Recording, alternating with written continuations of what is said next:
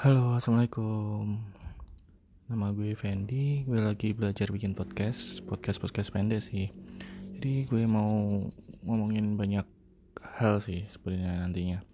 Tapi yang kali ini gue mau ngomongin matematika dulu kali ya. Matematika itu pelajaran yang penuh ukuran. Ada waktu itu pelajaran menimbang ya.